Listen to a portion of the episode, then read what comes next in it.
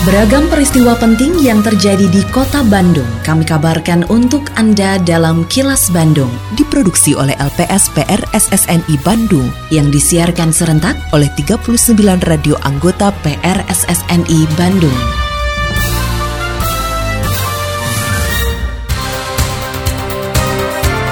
Sejumlah informasi aktual kami hadirkan untuk Anda dan inilah informasi utamanya kasus cacar monyet pertama ditemukan di Indonesia, masyarakat diimbau terapkan PHBS. Kodam 3 Siliwangi lakukan pendampingan warga yang kembali ke NKRI. Jawa Barat Urban Farming bantu penuhi kebutuhan masyarakat. Saya, Santika Sari Sumantri, inilah kilas Bandung selengkapnya. Wali Kota Bandung Yana Mulyana meminta masyarakat berhati-hati saat menggunakan api karena dapat menimbulkan bahaya kebakaran, seperti halnya yang terjadi pada peristiwa kebakaran di kawasan permukiman padat penduduk di Ciumbuleuit Sabtu lalu. Menurut Yana, Dinas Kebakaran dan Penanggulangan Bencana atau Diskar PB Kota Bandung sudah memiliki berbagai inovasi untuk menghadapi kebakaran, terutama di kewilayahan. Selain itu, ia juga mengapresiasi Diskar PB yang cepat merespon sehingga kebakaran tidak meluas. Meski begitu perlu kehati-hatian warga saat memanfaatkan api supaya tidak berdampak terhadap terjadinya kebakaran hati-hati lah ya. Dan kan kita juga dinas pemadam kebakaran, damkar kan juga terus berinovasi yang apa lewat alat yang bisa masuk ke wilayah-wilayah ya. Kan memang kalau lihat mah kemarin penanganannya respon time-nya bagus gitu ya. Tidak merembet lah berarti penanganannya mudah-mudahan sudah jauh lebih baik. Tapi kan kehati-hatian karena yang di Cimulit itu kan orang bakar suluh tinggal nonton eta jublasa atau buku atau suluh Masyarakat Kota Bandung diimbau melaksanakan perilaku hidup bersih dan sehat atau PHBS, serta tetap disiplin menerapkan protokol kesehatan agar terhindar dari penyebaran virus cacar monyet. Imbauan tersebut disampaikan Wali Kota Bandung Yana Mulyana terkait ditemukannya kasus pertama cacar monyet di Indonesia. Yana menegaskan dengan protokol kesehatan yang ketat seperti halnya untuk mencegah COVID-19,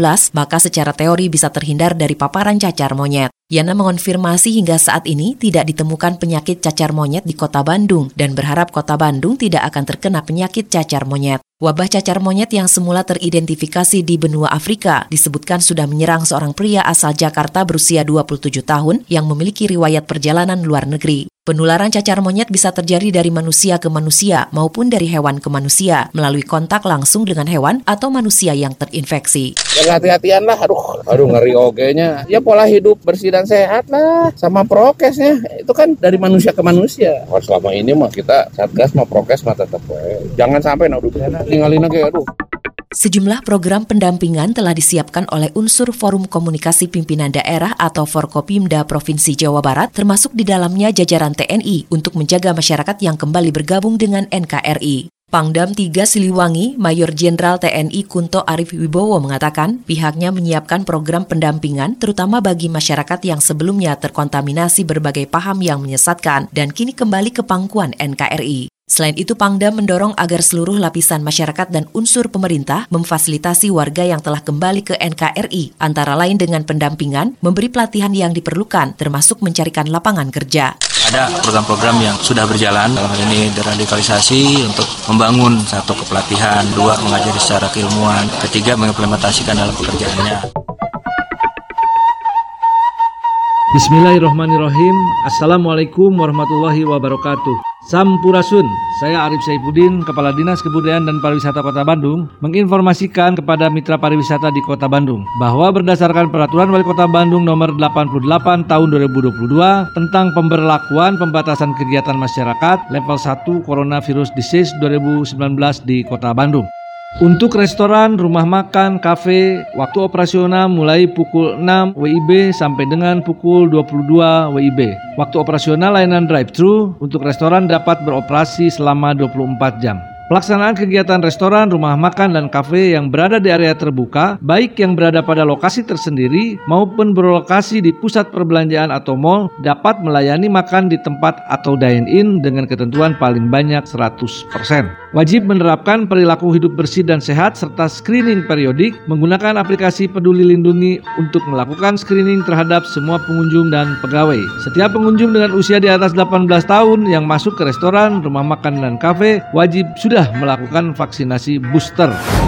Ayo mitra pariwisata, bersama-sama kita wajib melaksanakan protokol kesehatan, pencegahan dan pengendalian penyebaran COVID-19 secara ketat, konsisten dan disiplin. Iklan layanan masyarakat ini dipersembahkan oleh Dinas Kebudayaan dan Pariwisata Kota Bandung.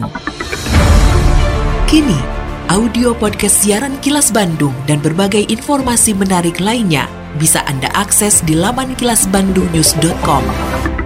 Pemerintah Provinsi Jawa Barat mencanangkan Jawa Barat Urban Farming sebagai upaya untuk membantu ketersediaan kebutuhan bahan pokok bagi masyarakat seperti komoditas sayuran. Gubernur Jawa Barat Ridwan Kamil mengatakan sejumlah komoditas yang ditanam di urban farming merupakan komoditas yang harganya fluktuatif seperti cabai, bawang merah, dan tomat. Menurut Ridwan Kamil, selain bisa dikonsumsi untuk sendiri, hasil pertanian urban farming oleh sejumlah kelompok bisa dijual ke BUMD Provinsi Jawa Barat yang telah ditunjuk melalui aplikasi. Kita canangkan Jawa Barat Urban Farming untuk menanam komoditas-komoditas di rumah-rumah yang kita beli oleh BUMD kita sehingga kekurangan-kekurangan yang selama ini terlalu diatur oleh hukum pasar bisa kita kendalikan sendiri. Dimulai nanti gedung sate akan memulai tanah-tanahnya akan ditanami oleh tanaman-tanaman pertanian. Rumah saya juga pakuan, kantor-kantor dinasnya, rumah-rumah pribadi kepala dinasnya sambil mengajak warga untuk ikutan juga. Bedanya dulu kalau dia sudah panen dan tidak butuh, dia bawa ke mana? Nah kita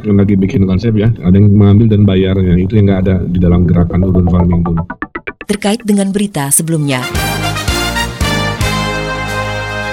Bank Indonesia mengapresiasi sejumlah daerah di Jawa Barat yang sudah menerapkan program urban farming kepada masyarakat. Deputi Kepala Kantor Perwakilan Bank Indonesia Provinsi Jawa Barat Bambang Pramono berharap program urban farming mampu memenuhi kebutuhan masyarakat akan kebutuhan pokok, terutama komoditas sayuran. Dengan terpenuhinya kebutuhan tersebut, diharapkan masyarakat tidak bergantung terhadap ketersediaan yang ada di pasar. Kalau permintaan kan datang dari macam-macam, dari rumah tangga, dari hotel, restoran, kafe, horeca yang besar-besar sama industri kan. Nah, yang rumah tangga ini dengan urban farming itu lumayan. Kalau nanti semua pekarangan dipakai, maka kan permintaan dari rumah tangga berkurang kan gitu. Nah, itu tujuannya. Supaya kesediaan pasokan untuk rumah tangga terpenuhi, maka ada urban farming yang sangat luar biasa emang. Pastinya mengurangi permintaan. Kalau masalah harga, ya nanti pasti akan ada juga di sana. Gitu. Hai wargi Bandung, kamu tahu nggak kalau Bandung Smart City sekarang punya aplikasi Bandung Super Apps namanya Sadayana atau Semua Digital Layanan Kota. Nah, ada menu apa aja sih di Bandung Sadayana? Kamu bisa mendapatkan berbagai layanan publik, forum Smart City, marketplace, kalender event, CCTV publik, open data, informasi COVID-19, virtual event, info kegawat daruratan 112 bisa didapatkan di aplikasi ini. Wih, keren banget nggak sih? Setiap user akan tergabung menjadi bagian dari Bandung Smart City Forum dan dapat mengakses berbagai layanan publik dari pemerintahan Kota Bandung. Jadi, kuy, buruan download ya. Untuk informasi lebih lanjut, kamu bisa kunjungi website www.smartcity.bandung.go.id atau download aplikasi Bandung Smart City di Google Play dan WhatsApp Bandung Smart City di 0811 259 1810. Bener-bener deh Bandung Super Apps, satu platform untuk beragam kebutuhan. Pesan ini disampaikan oleh Diskominfo Kota Bandung. Assalamualaikum warahmatullahi wabarakatuh. Sampurasun, warga kota Bandung yang saya hormati dan saya cintai. Saya Tono Rusdiantono, Kepala Dinas Sosial Kota Bandung menghimbau kepada seluruh warga kota Bandung, para wisatawan dan para pengguna jalan untuk tidak memberikan uang atau sedekah kepada pemerlu pelayanan sejahteraan sosial atau PPKS. Di antaranya anak jalanan, gelandangan, dan pengemis karena mengganggu ketertiban umum dan kelancaran arus lalu lintas. Selain itu, saya juga meminta kepada seluruh seluruh warga kota Bandung untuk tidak menggalang dana atau meminta sumbangan di tengah jalan dengan dalih apa pun. Terlebih kegiatan itu tanpa mengantongi izin resmi dari Dinas Sosial Kota Bandung. Apabila Anda menemukan adanya PPKS maupun penggalangan dana, diminta partisipasinya untuk melaporkan hal tersebut kepada Dinas Sosial Kota Bandung. Salurkan donasi Anda hanya melalui lembaga resmi. Wassalamualaikum warahmatullahi wabarakatuh. Lindungi diri dari COVID-19 dengan selalu memakai masker saat beraktivitas karena pandemi belum usai. Tetap patuhi protokol kesehatan di masa adaptasi kebiasaan baru untuk mencegah penularan virus corona. Terima kasih Anda telah menyimak kilas Bandung yang diproduksi oleh LPSPR SSNI Bandung.